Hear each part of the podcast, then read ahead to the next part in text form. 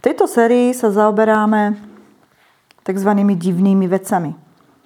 Inými slovami by sme to mohli nazvať vecami neprirodzenými, nadprirodzenými či prekvapivými a nečakanými. Dôvod, prečo sa takouto témou zaoberáme, verím, že je preto, že veríme, že takéto nadprirodzené veci by mali byť v živote kresťana viac ako prirodzené. Že ich môžeme a máme očakávať. Ja, keď rozmýšľam nad svojim životom, tak to musím len potvrdiť. Veríme v nadprirodzeného Boha, u ktorého nie je nič nemožné, ktorý tvorí z ničoho. Dáva rieky na púšti, víno na miesto vody, život na miesto smrti. Veríme v Boha, pre ktorého je budúcnosť ako prítomnosť. Tisíc rokov ako jeden deň. Skryté veci vecou verejnou.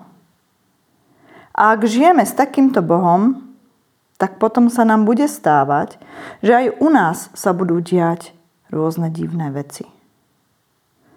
V kontexte toho, čo som zažila vo svojom živote ja osobne, mi ako prvý z biblických postav prišiel na mysel Gideon. Gideon je jeden z izraelských sudcov, takže sa o ňom môžeme dočítať práve v knihe sudcov, konkrétne v 6. až 8. kapitole. Je to sudca, ktorý sa často označuje za najväčšieho alebo najvýznamnejšieho sudcu tej doby. A pritom, keď začneme o ňom čítať ten príbeh, nachádzame ho, ako sa schováva, ako sa bojí a trasie, hovorí o sebe ako o najmenšom z najmenších, vyjednáva s Bohom a pýta si jedno znamenie za druhým – jednu menej pravdepodobnú vec za druhou. Aby si bol istý, že aj tá ďalšia v poradí, tá oveľa nebezpečnejšia, neostane nakoniec na ňom. Ale je to naozaj Boh, ktorý to robí a kto ho do toho volá. Aj keď môžeme nad jeho strachom krútiť hlavou, v konečnom dôsledku si uvedomíme, že sme presne takí istí. Koľko divných vecí sme už zažili. Ale keď príde k ďalšej, ako by sme do tejto sféry vstupovali vždy na novo. Za každým potrebujeme čerstvú vieru a nové spoľahnutie sa na Boha.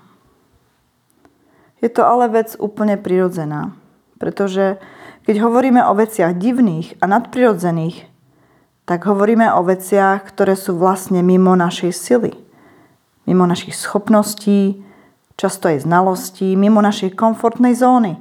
Často sa vymykajú našim predchádzajúcim skúsenostiam alebo tomu, čo sme doteraz poznali. Boh Gineona povolal k tomu, aby porazil Midiancov. Nepriateľskú bandu, ktorá spolu s Amalekom rabovala a plienila Izrael v kuse 7 rokov. A túto bezpočetnú nepriateľskú armádu mal poraziť s 300 mužmi. Gideon vedel, že buď sa stane niečo, niečo veľmi divné, alebo to neprežije a privedú na seba ešte väčšiu skazu. On vedel, že to nie je v jeho rukách ani v jeho sile. Chcela by som vás pozbudiť prečítať si tento príbeh, pretože je ukážkou toho, ako u Boha nie je nič nemožné. Ale používa si k týmto nemožným veciam slabých a neskúsených ľudí. To jediné, čo k tomu potrebujeme, je mu dôverovať. Takže, keď si to zhrnieme, máme tu Gideona, ktorý bol malý, nič neznamenajúci, chudobný, bojujúci o prežitie, slabý a neskúsený. A máme tu Boha, ktorý vidí koniec už od začiatku a schovávajúceho Gideona nazýva chrabrým bohatierom. Ja osobne sa taktiež, som sa taktiež nikdy necítila veľmi odvážna. Nerada som riskovala. Spolu s Gideonom by som sa asi popísala ako malá a bezvýznamná. Povahou som bola veľmi tichá a utiahnutá. Bolo pre mňa skôr prirodzené sa schovávať. Ale tak ako Gideona Boh si ma našiel. Keď Boh povoláva, to nie je o nejakej ľudskej viditeľnosti. Je to o tom, že Boh, ktorý všetko vidí, pozerá sa na srdce. Boh videl Gideona ako odvážneho, pretože vedel, že mu bude veriť. Boh videl pastiera Dávida ako kráľa Izraela, pretože videl, že mu bude verný, bude milujúci ľudí a pripravený robiť pokánie. Boh videl prostitútku a pohánku Rachab ako pramatku Mesiáša, pretože videl jej túžbu po záchrane za akúkoľvek cenu. Ja osobne som sa rada schovávala niekde v pozadí. V šatni za kabátmi, v suteréne, kde som sa mohla hrať s deťmi, za sporákom a plechmi či kávovarom. Rada som hrala tzv. druhé husle. Ale Boh ma povolal a pomazal k vedeniu chvál. Byť schovaná za klavírom? OK ale viesť ľudí, spievať do mikrofónu. Jedného dňa ma Boh našiel na jednom tábore medzi deťmi a niekto ma zavolal. Poď prosím, ty vieš trochu po anglicky, že?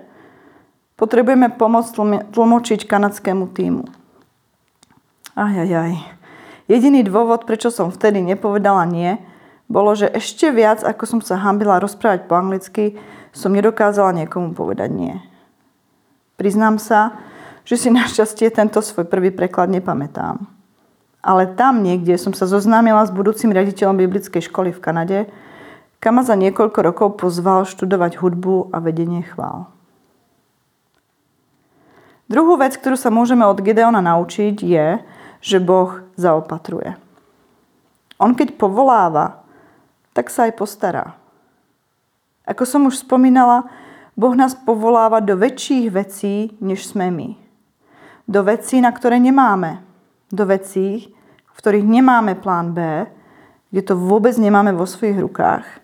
A často si nevieme ani predstaviť, ako to spraví Boh. Niekedy to je o financiách a materiálnom zabezpečení, alebo o možnostiach, schopnostiach, sile, či kombinácia tohto všetkého. Ale ten, ktorý vás povoláva, hovorí 2. Timoteova 1.9, ten vás aj uschopňuje. Nie podľa našich skutkov, schopností, ale podľa jeho milosti v Kristu Ježišovi. V mojom prípade, v mojom príbehu išlo naozaj o všetko spomenuté. Mala som povolanie, mala som dokonca aj pozvanie. Dokonca som mala vybavené miesto a štipendium na štúdium. A prešla som testami z angličtiny. Ale pre našu rodinu aj letenka jedným smerom bola nepredstaviteľná suma. Už vôbec nehovoriac o tom, čo potom a ako sa dostať domov. A to všetko dvakrát, pretože som tam mala ísť na dva roky. A vtedy mi bolo povedané, že keď Boh povoláva, peniaze budú ten najmenší problém. To sa síce ľahko povie, dobre počúva, dokonca aj pochopí. Veď Pán Boh naozaj všetko vlastní, že? Ale potom si musíte naozaj kúpiť tú letenku. O ďalších komplikáciách a vydavkoch ani nebudem hovoriť. A ja som začala vidieť, ako sa deje jeden zázrak za druhým. Ale chcelo to vieru a risk vstupovať do tých vecí, aj tam, kde nemáte záložných plán a tvrdú rezervu. A s tým súvisí môj posledný bod, že Boh nás často vyzýva k nepohodlným veciam. Ak by sme mali robiť len to, čo zvládneme sami, v našej sile a z našich schopností, tak by sme ho nepotrebovali. A keby sme ho nepotrebovali, tak by sme ho ani nepoznávali a celá rovina nadprirodzená, ktorá by pre nás kresťanov mala byť viac ako prirodzená, bola krajinou neznámou. Ako som už spomenula, bola som dieťa tiché a hamblivé. Moja učiteľka chémie na strednej škole mi raz povedala, Slavka, ty môžeš ísť študovať, čo chceš a nebudeš mať problém.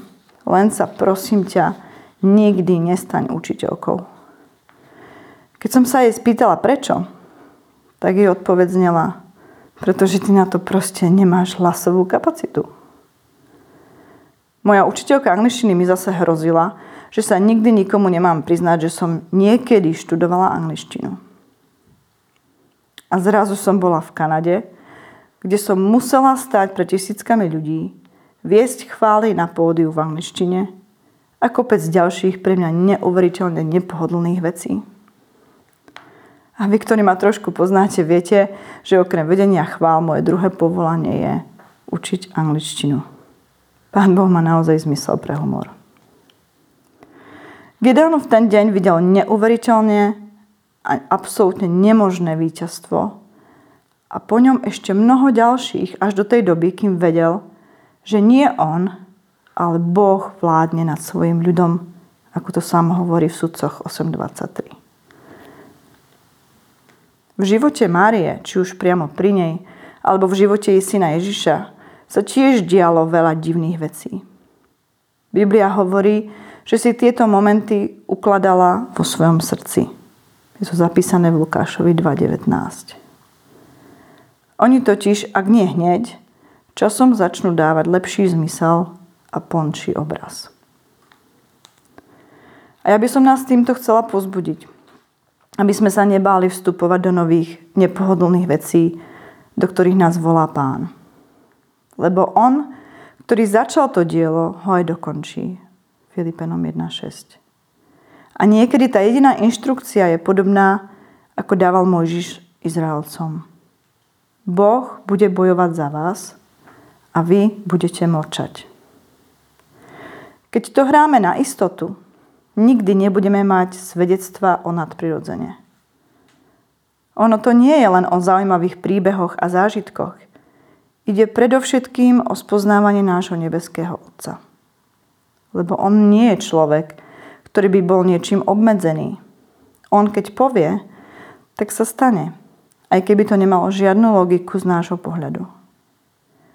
On sa nenechá obmedziť tým, kým sme my, čo zvládneme, čo vieme, čo dokážeme. On chce konať ďaleko väčšie veci v nás aj skrze nás. Niekto raz povedal, že opakom viery nie je pochybnosť, ale istota. Nechám tú myšlienku dosadnúť do vašej mysle. Opakom viery nie je pochybnosť, ale istota. Keď máš istotu, vieru nepotrebuješ. Keď pán Ježiš povoláva Natanaela, hovorí mu prorocky, že ho videl pod figovníkom. To bola vec obratu pre Natanaela. Vtedy uveril, že Ježiš je Boží syn. Ježišova reakcia na to ale je, uvidíš väčšie veci ako tieto. Ježiš sám o sebe hovorí ako o kameni, ktorý síce stavitelia zavrhli, ale predsa sa stal uholným kameňom.